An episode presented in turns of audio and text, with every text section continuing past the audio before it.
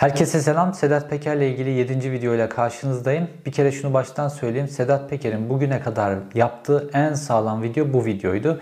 Gerek derin devletin derinliklerine, geçmişte işlediği suçlara ilişkin verdiği bilgiler, gerekse bugünkü AKP rejimine ilişkin verdiği bilgiler itibariyle.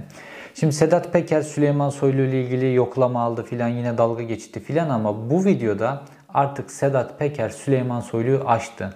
Bu videoda Sedat Peker'in doğrudan muhatabı ve hedefi doğrudan Tayyip Erdoğan'dı. Doğrudan işte AKP'lilerin söylediği lafla reisti. Şimdi Süleyman Soylu'nun hedefi de o TRT'ye çıktığı yayında aslına bakarsanız doğrudan doğruya Tayyip Erdoğan'dı. İkisi de oyununu Tayyip Erdoğan'a doğru oynuyor. Çünkü hepsi biliyor ki karar verici esas baron Tayyip Erdoğan. Dolayısıyla ikisinin hamleleri de ona dönüktü. Mesela Süleyman Soylu TRT'de çıktığı yayında bir tane milletvekilini Sedat Peker'in 10 bin dolar maaşa bağladığı ile ilgili bir bilgi verdi. Şimdi oradaki gazetecilerden Melik Yiğitel konuyu tam anlamıyor. Orada Pelikan grubuyla iç içe olan diğer gazeteci e, Yahya Bostan o konuyu bildiği için o konuyu doğru deşmiyor, orayı deşmiyor. Ama Melik Yiğitel orada zannetti ki bir CHP'li milletvekiline Sedat Peker bu e, parayı ödüyor. Dolayısıyla konuyu deşmeye çalışıyor, öğrenmeye çalışıyor. Ama Süleyman Soylu da mesajı orada verip bıraktı. Süleyman Soylu biliyor ki Sedat Peker'in maaşa bağladığı e, adam e, AKP milletvekili Metin Külünk. Dolayısıyla da oradaki mesajı ona verdi. Eğer siz Sedat Peker, çünkü Süleyman Soylu AKP'ye sonradan eklenmiş biri ve Süleyman Soylu orada şu oyunu oynadı TRT'de. Eğer siz beni Sedat Peker üzerinden vuruyorsanız ben de sizi Sedat Peker üzerinden vururum. Neden? Çünkü Süleyman Soylu da bu oyunu sezmiş olacak ki Sedat Peker ve çevresi onun içerisinde başka isimler de var anlaşılan AKP'li isimler de var. Sedat Peker'in söylediğine göre Tayyip Erdoğan çok yakındaki isimler de 613 kişilik bir dinleme listesinden bahsediyor Sedat Peker. Şimdi bu 613 kişi dinlenirken anlaşılan elle geçen bilgilerden bir tanesi de Metin Külli'ye Sedat Peker'in her ay 10 bin dolar maaş ödemesi. Şimdi burada iki tane kritik konu var. Metin Külli kim? Metin Külünk Tayyip Erdoğan'ın mafya ile ilişkilerini kurduğu, Tayyip Erdoğan adına vurdulu kırdıları, işleri yapan eskiden beri yanında olan bir isim. Ve bu Almanya'ya da gelmişti Metin Külünk ve Almanya'da işte Osmaniyen, Germaniyen diyen Osmanlı ocaklarının Almanya kolunu kurdu. İşte böyle dövmeli, kaslı, boksör, kickboksçu filan elemanlardan oluşan bir ağ kurdu ve bunları çok güçlü ve caydırıcı bir güç olarak Almanya'da muhalifler üzerine kullanmak istiyordu. Fakat Almanya bunu çok erken fark etti. Ee, Osmanlı ocaklarının faaliyetlerini tamamen yasakladı ve Metin Külünk şu an Almanya'ya gelemiyor. Almanya'ya gelirse gözaltına alınacak. Metin Külünk'le ilgili bir dosya var. Ve Metin Külük mecburen kaldı artık Türkiye sınırlarının içerisinde ve anlıyoruz ki Sedat Peker adına hükümet içerisinde bazı işler yapmış. Sedat Peker de ona bazı işler yapmış. Milletvekili dövdürmek, Hürriyet gazetesini bastırmak filan gibi. Arada bir ticari ilişkiler ve belki de Sedat Peker ondan aldığı bilgiler buna yaptırdığı işler çerçevesinde 10 bin dolar ödüyor. Ayda 10 bin doları kimse çöpe atmaz. Şimdi anlaşılan Süleyman Soylu bu dinlemeler sırasında bu bilgi elde etmiş. Bu bir. Metin Külünk üzerinden Tayyip Erdoğan'ı vurabilecek bilgi var Süleyman Soylu'nun elinde. Bir. İkincisi Süleyman Soylu burada bir suç işliyor aynı zamanda. Çünkü bir insan grubunu işte 613 kişi ya da bir kişi bu dinlemeye alınıyorsa bu adli bir dinlemedir. Artık bu polisin ve savcının işidir. Bu dinleme tapelerini İçişleri Bakanı asla göremez. Artık bu operasyona dönüşmüştür, adli bir operasyona dönüşmüştür. Bu dinleme tapelerini savcı görür savcının içerisinden çıkardığı soruşturma ile ilgili olan kısımları iddianamesine koyar ve o kısımları hakim görür. Onun dışında kimse göremez. Fakat burada Süleyman Soylu bu dinleme tapelerini ifşa ediyor. Aslında soruşturmanın gizliliğini ifşa ediyor ve bunu bir şantaj unsuru olarak kendi partisinin lideri, kendi cumhurbaşkanına, kendi hükümetinin başına karşı bir mesaj olarak devletin televizyonundan gönderiyor. Olayların enteresanlığına bakar mısınız? Şimdi Süleyman Soylu mesajlarını Tayyip Erdoğan'a dönüş sanki orada Peker'le kavga ediyormuş gibi gözükse de başka mesajları da var. Onları Tayyip Erdoğan'a yönelik iletirken ve karşısındaki kişinin de gazetecinin de Pelikan grubundan bir gazeteci olduğunu bilerek bunu yaparken Sedat Peker de bazı mesajlar veriyor. Mesela bu videoda Sedat Peker anlatıyor. Diyor ki işte beni diyor e, Arnavutluk'tan böyle gönderdiler, Makedonya'dan böyle gönderdiler, Karadağ'dan böyle gönderdiler, Fas'a gittim, başıma bunları getirdiler, deport, deport, deport en son Dubai'ye geldim. Şimdi bunları anlatırken de şu örnekleri veriyor. Büyükelçi şunu yaptı, Dışişleri Bakanlığı bunu yaptı filan. Şimdi Sedat Peker'e o ülkeyi, bu ülkeyi, şu ülkeyi dar edecek böyle Dışişleri Bakanlığı, Balkanlardaki bir işte istihbarat teşkilatı, ondan sonra büyükelçiler falan bunları Süleyman Soylu ayarlayamaz. Ne bu büyükelçilere laf, İçişleri Bakanı çünkü ne bu büyükelçilere lafı geçer, ne Dışişleri Bakanlığı'na böyle lafı geçer, ne o Balkan coğrafyasından lafı geçer. Bunları yapan Türkiye Dışişleri. Dışişleri Bakanı bununla ilgili büyükelçilere talimat verir. Büyükelçiler gider öyle baskı kurarlar vesaire. Dışişleri Bakanı'nın işte Berat Albayrak'ın Türkiye'nin ekonomik gücünü o coğrafyalarda mesela Sedat Peker orada TİKA lafı veriyor ya TİKA üzerinden kullandırmak gibi meseleleri var. Dolayısıyla da bu işin arkasında Tayyip Erdoğan olduğunu bu şekilde anlatıyor. Bu başına gelen hadiselerle ve Sedat Peker de dünün çocuğu değil. Biliyor ki büyükelçiler falan vesaire bunların hepsi böyle harekete geçmişse bunların arkasında Tayyip Erdoğan var ve bu sefer bu 7. videoda e, bu 7. videoda mesajlarını doğrudan Tayyip Erdoğan'a gönderdi Sedat Peker. Şimdi bu mesajların analiziyle başlayalım ve Sedat Peker'in anlattığı tek tek kritik konuların hepsini derinleştireceğiz ve size bunlarla ilgili yeni bilgiler vereceğim. O zaman Sedat Peker'in yaptığı böyle bir cümleyle geçtiği şeylerin aslında çok şey ifade ettiğini anlamış olacağız.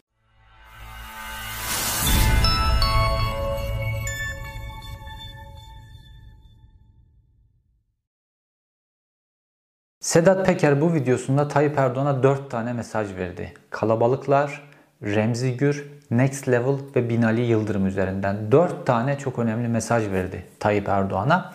Şimdi kalabalıklar üzerinden şöyle bir geçti orayı böyle. İşte ben bir mesajda şu kadar insan topluyorum derken bir anda döndü. Süleyman sana söylemiyorum dedi ve devamını bıraktı. Şimdi Tayyip Erdoğan için kalabalık toplamanın ne kadar önemli olduğunu biliyor ve orada kendisini Tayyip Erdoğan'la kıyasladı. Hani bunu Ankara'dayken e, Melik Gökçek de yapardı. Ya işte niye beni tekrar aday gösteriyorlar? Tayyip Erdoğan beni sevmiyor. Çünkü onlar kalabalık toplayamıyorlar. Ben bir organizasyon yapıyorum. 20-30 bin kişi topluyorum. Onlar Ankara'da kalabalık toplayamıyor derdi. Ve Tayyip Erdoğan için kalabalıkların toplanması çok önemlidir. Kalabalıklara çok önem verir. Gezi sürecinden böyle çok korkmasının sebebi de orada o meydanda toplanan kalabalıktı. Hep kalabalıkların bir araya toplanmaması için Tayyip Erdoğan çok hassastır. Sedat Peker oradan ben de bir mesajla senin kadar kalabalık topladım diyor. Ve kendisini orada kıyaslarken kalabalık toplamada Süleyman Soylu'yla değil, Tayyip Erdoğan'la seninle ilgili değil diyor Süleyman Soylu'ya. Tayyip Erdoğan orada bir mesaj gönderiyor. Zaten videolarının izlenme rakamlarına da baktığınızda şu an reyting olarak Tayyip Erdoğan'la karşılaştıramayacak kadar reytingi yüksek. Burada bir kıyaslamaya giriyor. Şimdi videosunda böyle konuşurken bir anda yine sağ tarafına bakarak diyor ki Remzi Gür lafını geçiriyor ve konuya devam ediyor.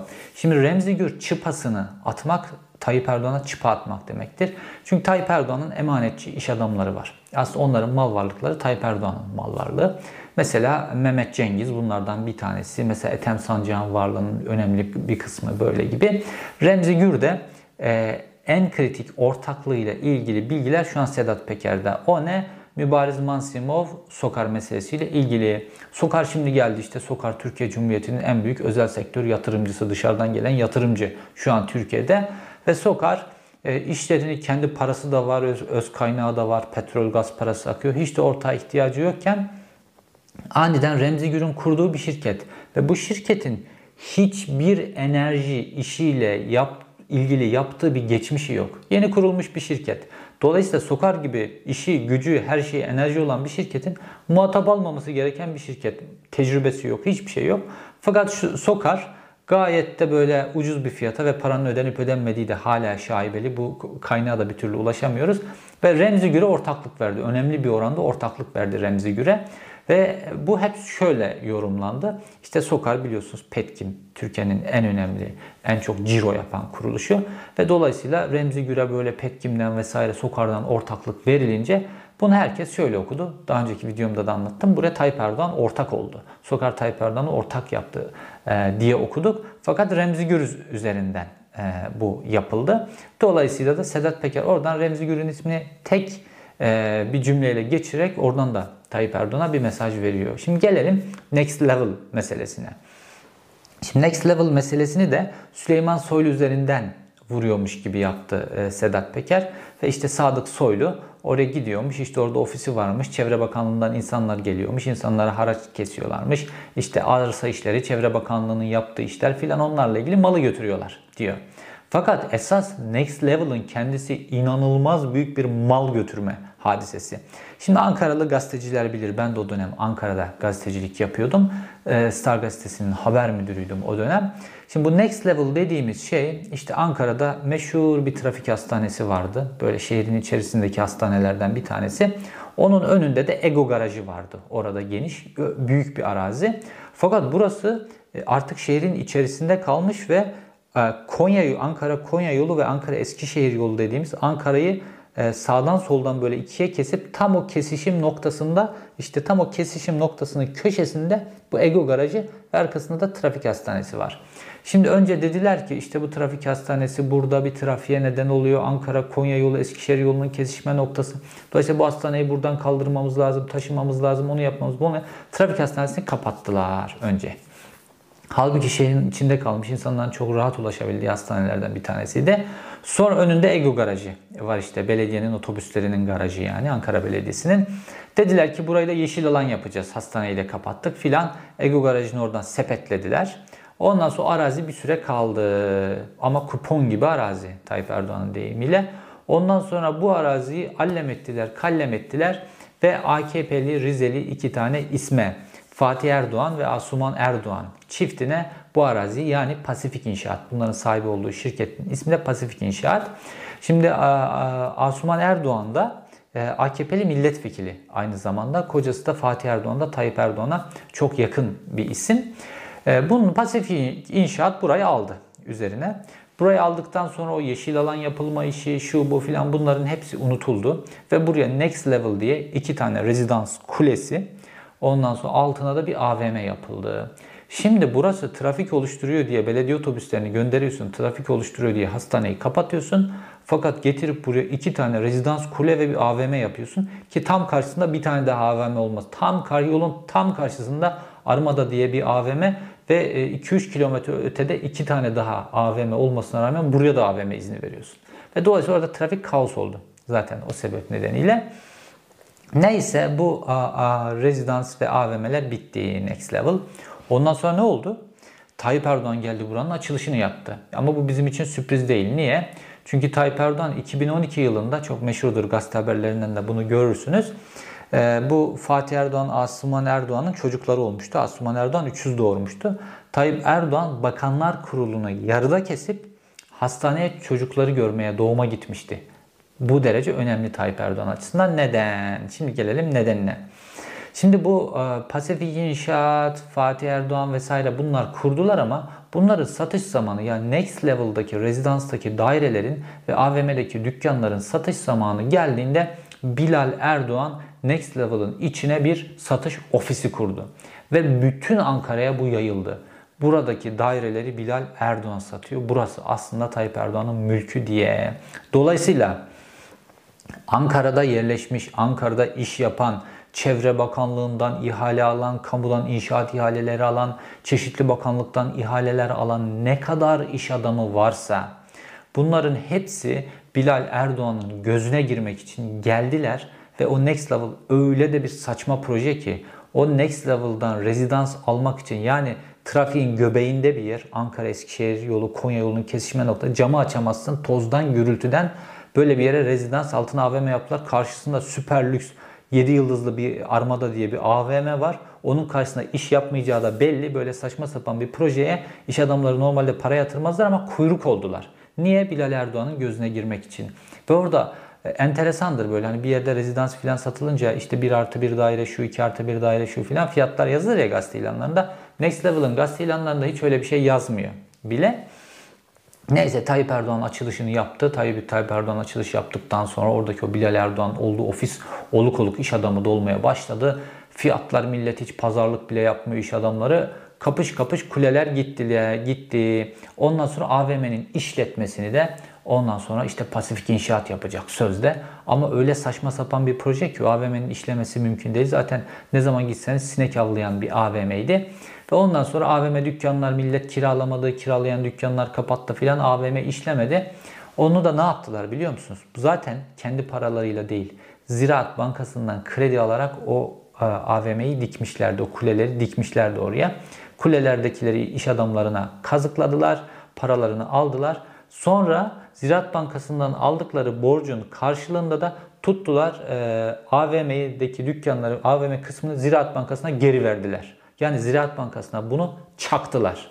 E, dolayısıyla hiç ceplerinden para çıkmadan işlemeyen AVM'yi de Ziraat Bankası'nın sırtına yükleyerek kendileri kulelerden hamuruyla paralarını göndererek siyasi nüfuzlarını da kullanarak burayıdaki satışı yaparak yaptılar. Sonra işte oradaki bir kısım yerleri de kendilerine tuttukları kamu kurumlarına kiraladılar yüksek faiz, fahiş fiyatlarla vesaire. İşte şimdi e, Sedat Peker oradan next level diyerek orada Süleyman Soylu işte Sadık Soylu onun kurduğu ofise filan vurgu yapıyor ama esas vurgun next level meselesinde ve Ankara'daki şu an yapılan vurgunlar, ihale işleri, şunlar bunlar hepsi o next level'ın içerisindeki rezidansların içerisinde döner. Sedat Peker buradan da Tayyip Erdoğan'a doğru bir yürüdü next level meselesinden. Şimdi gelelim Binali Yıldırım meselesine. Binali Yıldırım meselesini Sedat Peker, Binali Yıldırım Tayyip Erdoğan'ın kasalarından bir tanesidir. Ta İstanbul Büyükşehir Belediye Başkanlığı döneminden Binali Yıldırım demek Tayyip Erdoğan demektir. Çünkü Tayyip Erdoğan bütün o ihaleleri var ya şu an üzerinden geçmediğimiz halde parasını ödediğimiz köprüler e, vesaire gibi kullanmadığımız halde parasını ödediğimiz otobanlar, havalimanları vesaire 1 e, milyon yolcu e, sözü verilip de yılda 10 bin yolcu gelen havalimanları Ege'deki küçük şehirlerde vesaire bunların hepsini bütün bu yolsuzlukları Binali Yıldırım üzerinden yaptı Tayyip Erdoğan. Dolayısıyla Binali Yıldırım Tayyip Erdoğan en kritik adamıdır. Binali Yıldırım'a bir şey söylüyorsanız Tayyip Erdoğan'a söylüyorsunuz. Ve Sedat Peker Binali Yıldırım'ı en hassas noktasından vurdu. 2014 yılında İzmir'de liman operasyonu diye bir operasyon gerçekleşti ve bu operasyonda Binali Yıldırım'ın bacanağı Cemalettin Haberdar gözaltına alındı. Sonrasında işte bu operasyon 2014'te biliyorsunuz 17-25 Aralık'ın rüzgarı falan olmuştu 2014'ün başında. Bu operasyonda kumpas vesaire denilerek 17-25 Aralık vesaire hepsi gibi kapatıldı üzeri. Fakat bu liman operasyonu, İzmir'deki liman operasyonu Binali Erdoğan'ın limanlar üzerinden çevirdiği ağı çözebilecek en önemli konulardan bir tanesi. Şimdi bu 2014'teki Binali Yıldırım'a yönelik İzmir Liman Operasyonu ve Binali Yıldırım'ın bacanağının orada gözaltına alınıp sonra dosyanın kapatılması bilgisini cebinizde tutun. Bu birazdan işimize yarayacak.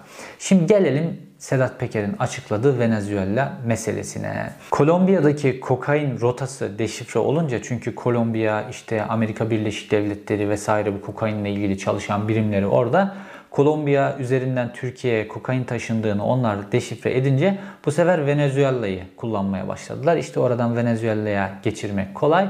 Venezuela'da da hiçbir biçimde Amerika'nın denetimi olmadığı için siyasi sebeplerle.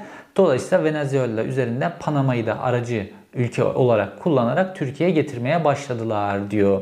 Ve bu sırada da işte Binali Yıldırım'ın oğlunun Venezuela'ya gitmesinden vesaire bahsediyor. Fakat Burada çok kritik bir bilgi veriyor Sedat Peker ve benim de bugüne kadar anlamadığım hadiselerden bir tanesi aydınlanmış oluyor.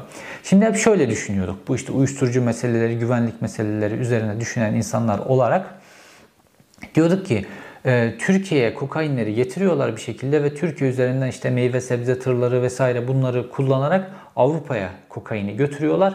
Ve bir gün Avrupa Birliği sürekli Avrupa'ya bu kadar kokain Türkiye üzerinden gelirse bu Türkiye ile Avrupa ilişkilerini gerecek. Belki Türkiye'den sebze meyve ithalatını durduracaklar. Tırlar daha sıkı denetlenecek. Türkiye ile siyasi kriz olacak vesaire. Bir faturası olacak bunun diyorduk. Fakat Sedat Peker çok ilginç bir bilgi veriyor. Sedat Peker diyor ki Avrupa'ya başka rotalardan okyanus üzerinden şuradan buradan da kokain geldiği için Avrupa'da kokain ucuz diyor. Nereden ucuz? Orta Doğu'dan daha ucuz diyor. Esas diyor Orta Doğu'ya kokaini götürmek mesele ve burada Türkiye kullanılıyor diyor. Şimdi bizimkiler hep şöyle savunuyordu ya böyle özellikle saçma sapan milliyetçi ve muhafazakar olan tipler. Türkiye para gelirse gelsin de işte Avrupalılar zaten işte bunlar gavur mavur bunlar zehirlenirse zehirsin umurlarında değil. Zaten bunların geçtikleri böyle filan diyorlardı. Fakat Türkiye bizim İslamcı rejimimiz, İslamcı hükümetimiz, halifemiz Tayyip Erdoğan vesaire meğerse bunlar Müslümanları kendi kardeşimiz dediği Müslümanları zehirliyorlarmış. Türkiye'ye gelen kokain Orta Doğu'ya gönderiliyormuş. Müslümanlara gönderiliyormuş. Nasıl bir tezgahla? Şimdi bu bilgiyle birlikte tezgah ve Yalıkavak Marina'nın vesaire bunların hepsi anlamlı hale geldi. Şimdi sizi 2018 yılına götüreceğim. 2018 yılında durduk yere Venezuela'nın hiç de böyle ekonomi Türkiye'ye ihraç edeceği falan bir şeyler de yok. 2018 yılında Türkiye ile Malezya arasında iki ülkenin ticaret hacminin geliştirilmesiyle ilgili önemli bir ticari anlaşma imzalandı. İşte böyle normalde Avrupa Birliği ülkeleriyle, Amerika ile filan imzalayacağınız bir anlaşma. Venezuela ile böyle bir anlaşma imzalandı 2018'de ve gümrüklerin kademe kademe sıfırlanması ile ilgili bir anlaşmaydı bu. Şimdi bir ülkeyle gümrükleri sıfırlıyorsanız o, o ülkeyle ticaret hacminizin karşılıklı onda üretilen mallar sizin için, siz üretilen mallar onlar için çok önemli olması lazım. Fakat e, ne oldu? 7 yıllık anlaşmaya göre 7 yıllık bir sürede adım adım adım adım sıfırlanacaktı. 2020'ye geldiğimizde Türkiye ne yaptı biliyor musunuz? Bir anda tek taraflı olarak vergileri sıfırladı. Venezuela sıfırlamadı o 7 yıllık anlaşmaya sadık kalacak. Fakat Türkiye tarafı sıfırladı. Neden?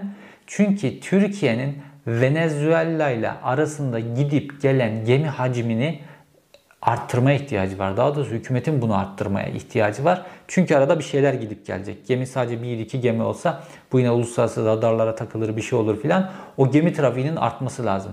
Ve biz bunu hep şu yani muhalefet vesaire hep ne üzerinden konuştuk? Venezuela'dan gelen peynir. İşte orada peynir ucuz üretiliyor. Artık Türkiye öyle bir hale geldi ki Türkiye'de hayvancılık, peynir çeşitliliği bu kadar çok. Venezuela'nın peynirine muhtaç kaldık diye hep peynir üzerinden tartışıldı. Meğerse konu bir beyaz bir şeymiş ama peynir değilmiş. Ve gümrükler sıfırlandıktan sonra 2020'nin Mayıs ayında ondan sonra Venezuela ile yönelik e, hacimde çok büyük artış oldu. Bu ne zamana denk geliyor? 2020'nin Mayıs Haziran ayları Türkiye'ye Kolombiya üzerinden gönderilen kokainin artık böyle 5 tonlara varan oranlarda yakalanmaya başlandığı aylar. Dolayısıyla onun hemen öncesinde ve o süreçte Türkiye alternatif bir rota hazırlıklarını oluşturmuş ve bunun temelini ta 2018'de bu ticaret anlaşmasını imzalayarak yapmış ve burada bir gemi trafiğinde bir hacim oluşturulmuş ki bu işler daha kolay yapılabilsin. Şimdi gelelim Binali Yıldırım'ın oğluyla ilgili kısma. Erkan Yıldırım, Binali Yıldırım'ın oğlu, Binali Yıldırım'ın oğlu şu. Şimdi Erkan Yıldırım'ın özelliği ne? Erkan Yıldırım gemicilik işleriyle, gemi firmalarıyla çok ilgileniyor. Ve Binali Yıldırım'ın kendi üstüne, yakınları üstüne güvendiği, itimat ettiği kişiler üzerine gemicilik alanında, denizcilik alanında faaliyet gösteren çok büyük firmaları var. Ve bu kuru yük taşımacılığı işi, işinde Binali Yıldırım'ın çok yatırımı, çok parası var. Şimdi biz hep şunu söylüyorduk değil mi? Kolombiya'dan 4 ton 900 kilo eroin, e, kokain Türkiye'ye getiriliyor. Fakat bununla ilgili karşı tarafta niye bir operasyon yapılmadı? Şimdi İçişleri Bakanı diyor ki ya işte diyor biz diyor Kolombiya'ya e, bir ekip göndermek istiyorduk fakat pandeminin ilk dönemiydi gönderemedik diyor.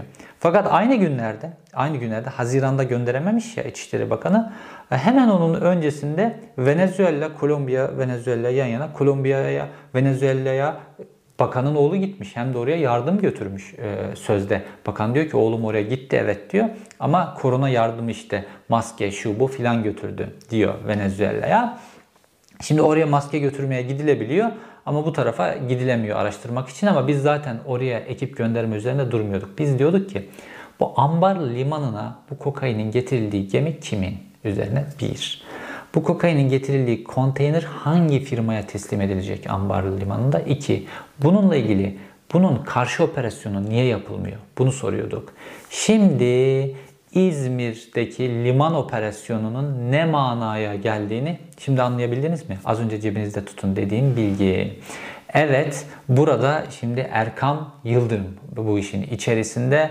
Dolayısıyla da bu işin karşı operasyonu yapılamaz. Karşı operasyonu yapılırsa tıpkı 2014 yılındaki liman operasyonu gibi bir operasyon gerçekleşir. Şimdi bu Binali Yıldırım'ın bu Muğla işte bölgesi faaliyetleri var. Bu, bu Muğla bölgesi enteresan Muğla, Marmaris, Milas filan o, o civarda işte Mehmet Ağar'ın e, tapulu malı diyor ya Sedat Peker. Mehmet Ağar orada çok etkin. İşte Binali Yıldırım'ın etkinlikleri var. Binali Yıldırım'a yakın iş adamları da orada çok etkin enteresan biçimde. Mübariz Masimov da etkin e, orada. Ve Binali Yıldırım'a yakın iş adamlarından bir tanesi. İşte Cihan Ekşioğlu. Mesela orada önemli işler yapıyor. Ve bu Binali Yıldırım'a bazı yakın iş adamlarının oradaki bankalara yatırdıkları paralar var. Şimdi bu paralarla ilgili öyle enteresan bilgiler var ki şöyle mesela bankaya para getiriyor. Ondan sonra Ekşioğlu ailesinden birisi ya da Binali Yıldırım'a yakın o diğer iş adamları. Bankaya çuvalla para getiriliyor. Birkaç çuval para getiriliyor. Fakat banka görevlisi sorduğunda ya ne kadar para var içinde miktarını bile bilmiyor. Ya sayın işte filan gibi böyle geçiştiriyor. Miktarını bile bilmiyorlar. Sonra sayılıyor işte milyon euro bilmem yüz binlerce euro filan para işin içerisinden çıkıyor. Hep orada öyle bankalarda para yatırılıyordu. Fakat bunların kaynağı neydi? Bunların Bodrum Yalıkavak Marina ile bir ilişkisi var. Ve bunların Kıbrıs'la oradaki işte sınır girişler gelişler var. Onlarla bir ilişkisi var. Ama tam bunu çözemiyorduk. Bununla ilgili işte ipucunu Sedat Peker verdi. Sağlamasını da Mehmet Ağar yaptı. Mehmet Ağar ne dedi Yalıkavak Marina ile ilgili? Sedat Peker'in iddiaları sonrası. Ya oraya işte Arap şeyhlerinin, Arap prenslerinin gemileri geliyor, yatları geliyor. Burası Avrupa'nın işte bölgenin en lüks yat limanı. Arap şeyhleri, Arap prensleri mi uyuşturucu kaçıracak diyor. Şimdi Sedat Peker de ne, diye, ne dedi? Bütün ezberi bozan şey Türkiye'ye gelen kokain Avrupa'ya gitmiyor, Orta Doğu'ya gidiyor diye. Böyle olunca tam transfer noktası neresi? İşte o yat limanı ve orası ve e, Mehmet Ağar başka bir kelime kullandı. Burası döviz darphanesi gibi. Bunlar aslında bilinçaltının itirafları ve dolayısıyla orada Orta Doğu coğrafyasında dönen o kokain pazarının da işte bu lük, lüks yat gemileri üzerinden nasıl transfer edildiği ortaya çıkıyor. Şimdi Masimov da bu işin içerisinde miydi? O yüzden mi tasfiye edildi? Yoksa buradaki bir potansiyel çözüldüğü için Masimov devreden mi çıkartıldı? Bu kısmını bilmiyoruz. O Masimov konusuyla ilgili araştırmalar yapıyoruz. O konunun genişliğini daha sonra anlayacağız. Fakat Erkan Yıldırım'la ilgili konu son derece önemli ve Sedat Peker burada topu sahaya sürdü ve şimdi diyor ki Binali Yıldırım'ın bu işin Binali Yıldırım'ın bu çok komik bir şey böyle. Yani Tayyip Erdoğan'a Tayyip abi falan diyor ya hala.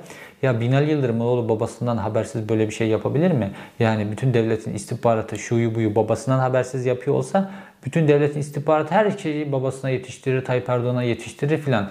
Onlar yol verdiği için, onların yol verdiğini de devletin istihbaratı, kamu görevlileri vesaire gördüğü için bu, bu bilgileri Tayyip Erdoğan'a da Binali Yıldırım'a götürmezler. Çünkü onların yol verdiğini görüyorlar zaten. Bunu Sedat Peker de biliyor. Şimdilik diyor ki sizi işin içine bak sokmuyorum. Bak daha oğlunuzu soktum. Sizi daha işin içine sokmuyorum.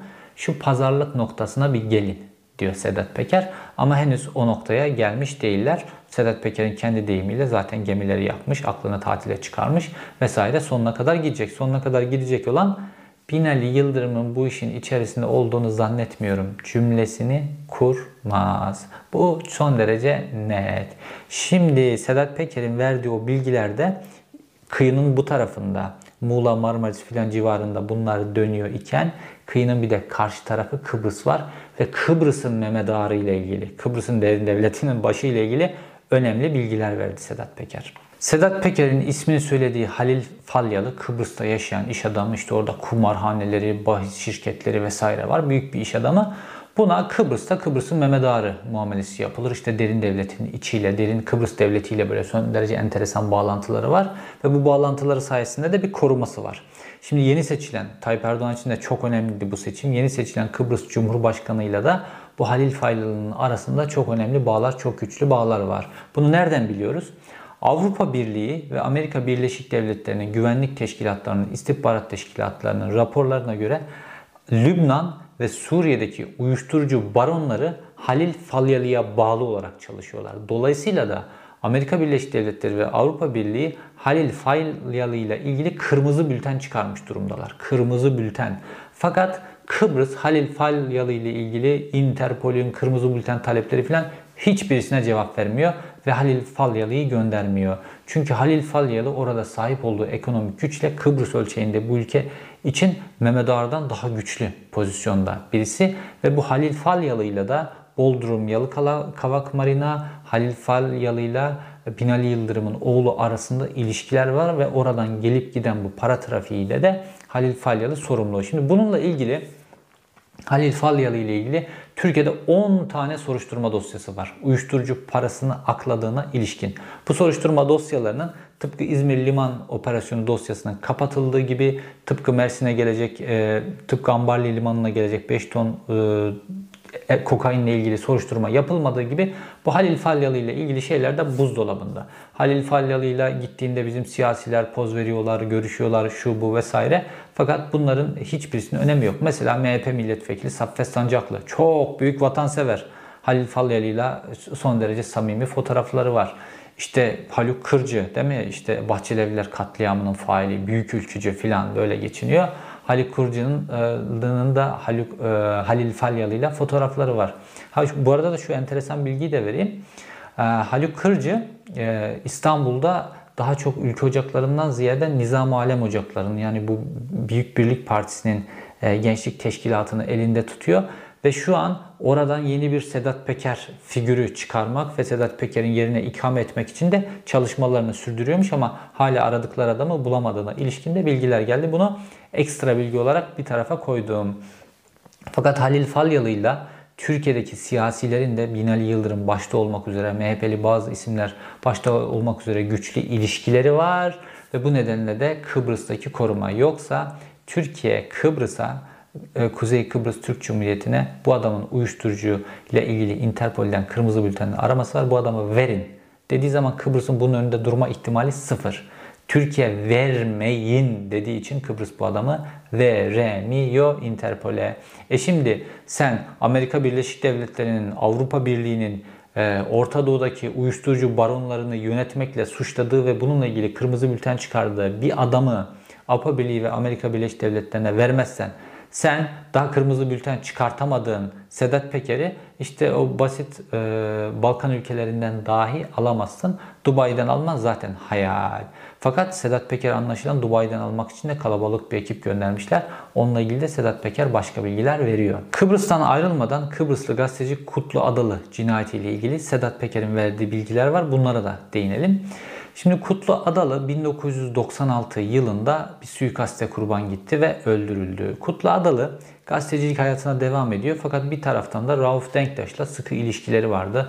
Beraber siyasi çalışmalar yaptılar fakat sonra adım adım Rauf Denktaş'tan koptu. Rauf Denktaş'ın işte Sedat Peker şimdi şikayet ediyor ya vatan millet Sakarya deyip başka suçlar işlettiriyorlar.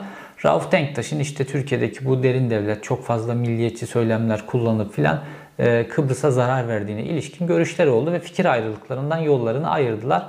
Ve gazetede, gazetede işte yayınlar yaparak kendisine göre gazeteciliğini, eleştirmenliğini sürdürüyordu. Fakat Kıbrıs'ta dönen bu suç ile ilgili Kıbrıs'taki egemenlerin bu çevirdiği kumarhaneler vesaire üzerinden bu suç ağıyla ilgili bazı e, bilgiler paylaşmaya başladı. Bazı haberler yaymaya başladı.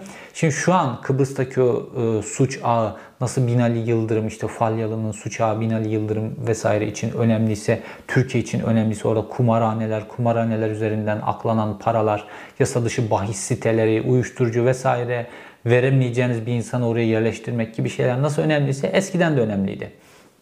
Şimdi Kutlu Adalı bunların üzerine gitmeye başlamıştı. Dolayısıyla Kıbrıs'taki egemenleri ve Kıbrıs'taki egemenlerle çalışan Türkiye'deki derinleri rahatsız etmeye başlamıştı. Ve son yayınlanan yazılarından bir tanesi suikaste kurban gitmeden önce. Şöyle bir, bir soygun gerçekleşti Kıbrıs'ta. İşte e, şu an Kuzey Kıbrıs Türk Cumhuriyeti tarafında olan e, Saint Barnabas Kilisesi'ne yönelik bir silahlı soygun gerçekleşti. Ve bu silahlı soygunda işte kiliseden bazı şeyler, kilisenin müştemilatından bazı şeyler çalındığına ilişkin bilgiler çıktı. Fakat ne çalındığı bir türlü açıklanmıyordu. Kutlu Adalı da dedi ki burada bir tane general, bir tane eski asker 1974'teki Kıbrıs Barış Harekatı'nda işte Rumlarla çatışma sırasından Rum tarafından o çatışmada ya da Rumların terk ettiği mülklerden paha biçilemez bazı şeyler ele geçirdi diyor. Ve bu paha biçilemez şeyleri Saint Barnabas Kilisesi'ne gömdü. Ve suikast e, ve soygun günü o silahlı soygunun gerçekleştiği gün ora o civarda askeri araçlar görüldü ve askeri araçlara işte o toprak içerisinden çıkartılan bazı şeylerin yüklenip götürüldüğüne ilişkin bir yazı yazdı Kutlu Adalı. Ve diyor ki işte o asker o zamanki içinde bulunduğu şartlar itibariyle o subay Onu oraya gömdü. Türkiye'ye götürmesi mümkün değildi. Daha sonra emekli olduktan sonra Türk Silahlı Kuvvetleri'nden 1996 yılında işte geri geliyor ve o soygunu gerçekleştirerek onları oradan alıp askeri bir araçla götürüyor. Şimdi buradaki düzenin, tezgahın işte bu Korkut Eken bahsediyor özel harekatçı filan. Korkut Eken, Mehmet Ağar, onların bağlantısı, Veli Küçük vesaire bunların hepsinin bağlantılarıyla bu soygunun gerçekleştirdiğine ilişkin bilgiler var. Ve Kutlu Adalı da bunun üzerinden adım adım adım gidiyor. Yazdığı şeyler var, yazacağı şeyler var. Kutlu Adalı'nın ve o sırada işte Korkut Eken geliyor Sedat Peker'e. Diyor ki işte bu Kutlu Adalı diyor Rauf Denktaş onların kahramanı Rauf Denktaş'a karşı Rumlarla çalışıyor. Vatan aynı Kıbrıs'ı satacak o bu filan. Sedat Peker'i de gaza getiriyor. Sedat Peker'in deyimine göre. Sedat Peker de kardeşi Atilla Peker'i suikast için Korkut Eken'e veriyor. Şimdi hani hep söyleniyordu ya işte devlette devletin askeri polisi böyle mafya ile onunla bununla çalışmaz filan böyle bunların hepsi yalan. İşte bu işi yapan suikast emri verilen yeraltı dünyasına bir adam Sedat Peker bunu alenen itiraf etti. Ee, başka bir sürü şey de var da e, ortaya çıkan. Bu sefer alenen. Şimdi ne yaptı? Ne oldu? Bunu itiraf etti. Kardeşini söylüyor bir de. Şu an o kardeşiyle arası pek iyi olmadığını biliyoruz ama kardeşini verdiğini ve bununla ilgili uçuş kayıtlarına da bakılabileceğini vesaire söylüyor. Korkut Teken'le birlikte keşfe gitmişler. Ne oldu? Atilla Peker'i gözaltına aldılar. Ya suikast emrini veren kişi Korkut Eken bunu söylüyor. Gözaltına alınması gereken kişi Korkut Eken Mehmet Ağar'la birlikte Veli Küçük'le birlikte. Sedat Peker'in verdiği bilgiler doğrultusunda onlara değil de Atilla Peker'i gözaltına alıyorlar. Buradan Sedat Peker'in canını acıtacaklarına yönelik bir hesaplama yaptılar. Ya da belki Atilla Peker'i susturmak için gözaltına almışlardır. Bunu bilmiyoruz. Ve Kutlu Adalı bunu yazdıktan sonra bir suikaste kurban gidiyor ve Sedat Peker'in verdiği bilgiye göre ve aydınlatılamayan, faili meçhul bırakılan bu gazeteci suikastini şimdi Sedat Peker'in verdiği bilgilerle aydınlat, aydınlanmış ya da aydınlanma yoluna gitmiş oldu. Ve savcıların şu an bununla ilgili harekete geçmesi lazım. Kuzey Kıbrıs Türkiye Cumhuriyeti savcılarının, Türkiye Cumhuriyeti savcılarının bununla ilgili harekete geçip Sedat Peker'in iddiaları doğrultusunda uçuş kayıtlarını ortaya çıkarmaları lazım. Bu kişileri gözaltına alıp sorgulamaları lazım. Bu kişiler Kıbrıs'ta görülmüşler mi vesaire bunların hepsi sorgulanıp bu cinayetin aydınlatılması lazım. Putlu Adalı Kıbrıs'ın en önemli saygın gazetecilerinden bir tanesiydi ve bu şekilde bir cinayete kurban gitti. Şimdi gelelim Sedat Peker'in uyuşturucu ve Mehmet Ağar Bay ile ilgili verdiği diğer bilgilere. Peker diyor ki Mehmet Ağar'ın bütün meselesi uyuşturucu ve rant meselesiyle ilgili bütün gücünü vesaire hepsini kullandı. Mesele ranttı. Doğru. Bu derin devletle ismi geçen kişiler var ya devleti rutin dışına çıkartan isimler, sözde devlet adına önemli işler yapan. Bunlar Milli İstihbarat Teşkilatı'nda olabilir, Türk Silahlı Kuvvetleri içerisinde olabilir. Bunlar e, Emniyet Teşkilatı içerisinde ya da bürokrasinin farklı kurumlarında olabilir. Bunların hepsinin bu devlet, millet, vatan, devleti devlet adına rutin dışına çıkarmak vesaire bunların hepsinin temeli ranttır.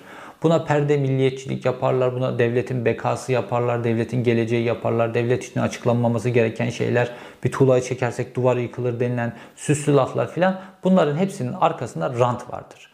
Dolayısıyla bu rantı bu şekilde perdelerle kapatırlar. Şimdi Uğur Mumcu. Sedat Peker, Uğur Mumcu'nun Mehmet Ağar tarafından ve Mehmet Ağar'a işte Mehmet Ağar'ın ifade ettiği o güç tarafından o dönem öldürüldüğünü ve bunun sebebinin de uyuşturucu rantı olduğunu açıkladı. Şimdi bu çok önemli bir önemli bir bilgi. Çünkü Uğur Mumcu'nun suikastinin e, ortaya çıkartılmaması için adeta Türkiye'de sağcısından solcusuna bir konsensüs var. Bu neden? Şimdi e, sol cenahın, Kemalist cenahın, Cumhuriyet Gazetesi'nin klasik okurunun işine Uğur Mumcu'nun laiklik ve Kemalizm konusundaki hassasiyetleri nedeniyle öldürüldüğüne ilişkin Uğur Mumcu cinayet suikastini kullanmak böyle işlerine geliyor. Ve Uğur Mumcu suikast uğradıktan sonra Cumhuriyet Gazetesi'nin bütün refleksi de laiklik, kemalizm, ondan sonra dindarlara karşıtlık vesaire bunun üzerinden bir okuma yaptı Cumhuriyet Gazetesi ve Uğur Mumcu suikastini yıllardır da böyle kemalizm, gericilik vesaire bunun üzerinden okuyor Cumhuriyet Gazetesi'nin klasik e, yönetimi. E, ve karşı tarafta e, işte İslamcılar diyebileceğimiz, sağcılar diyebileceğimiz tarafta işte derin devlet bu işi e, yaptı. Ondan sonra bunu işte Müslümanların üzerine atıp dolayısıyla Müslümanları, dindarları baskılamak için bu işi yaptı. Yani onlar da aslında meseleyi laiklik, dindarlık, işte gericilik vesaire bu konu üzerinden. İki taraf da bu konu üzerinden okuyor aslına bakarsanız. Şimdi Sedat Peker ve işte başka bir azınlık gazeteci grubu, Aydın grubu da bu işin içerisinde narko terör olduğuna ilişkin bazı bilgiler söylüyordu. İşte kimi e, milliyetçi kesimlerde şöyle diyordu. İşte Uğur Mumcu e, Apo'yla MIT arasındaki ilişkiyi ortaya çıkaracakmış da o yüzden e, öldürülmüş vesaire. Bir de böyle bir teori vardı. Fakat üzerinde durulmayan, herkesin pas geçmeye çalıştığı şey bu narko terör meselesiydi. Şimdi Uğur Mumcu'nun suikaste uğramadan önce yazdığı bazı yazılar var. Onlardan birkaç tanesini de yanında göstereceğim size. Uğur Mumcu hem PKK'nın içerisinde PKK'yı var eden bir grubun hem de devletin içerisinde o PKK ile çatışıyor gibi gözüken bir grubun bunların hepsinin kesişme noktasının uyuşturucu parası olduğunu söylüyordu. Ve Türkiye'nin o bölgesindeki istikrarsızlaştırma nedeninin bu sorunun çözülmesine devlet içinden ve PKK'dan e, engel çıkaran kesimlerin tamamının bu uyuşturucu rantıyla beslendiğine ilişkin bir teori üzerinde adım adım adım Uğur gidiyor iken ortadan kaldırıldı. Şimdi Türkiye'nin şu, şu anki gibi kokain yok. O zaman Türkiye'deki uyuşturucu esas meselesi Afganistan'dan gelen eroin e, ve e, esrar meselesi. O Afganistan'da yetiştiriliyor. İran'ın bir kısmında yetiştiriliyor.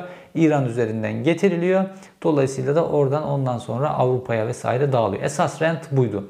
Dolayısıyla o sınır bölgesinin istikrarsız, kaotik, bu Mehmet Ağar, Korkut Eken gibi adamların kontrolünde, Veli Küçük gibi adamların kontrolünde olması lazım. Bu Şahinlerin kontrolünde olması lazım. Terör olması lazım.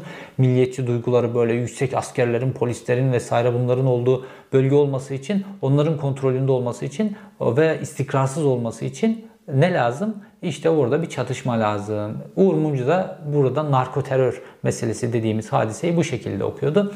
Ve Uğur Mumcu gazeteciliği, Uğur Mumcu'nun araştırmacı gazeteciliği anlaşıldı ki belki de Uğur Mumcu'yu takip ettiler. Konuştuğu kişileri, elde ettiği bilgilere de ulaştılar bir biçimde. Ve Uğur Mumcu'nun adım adım Uğur Mumcu devlet görevlilerinin nasıl bu narko terör içerisine aslında devlette o şahin gözüken o Mehmet Ağarların, Veli Küçüklerin aslında PKK'lı gibi gözüken kötü iş adamları falan var ya Sedat Peker şu an uyuşturucu meselesinin içindeki iş adamları diyor. Onlarla birlikte nasıl çalıştıklarını, PKK'lı gözükenle milliyetçi görürken nasıl bu uyuşturucu meselesinde birlikte çalıştıklarını ortaya çıkartacaktı muhtemelen. Bu sebeple Uğur Mumcu ortadan kaldırıldı. Sonrasında ne oldu? Uğur Mumcu'nun ortadan kaldırılmasıyla yetti mi suikaste kurban gitmesiyle? Yok.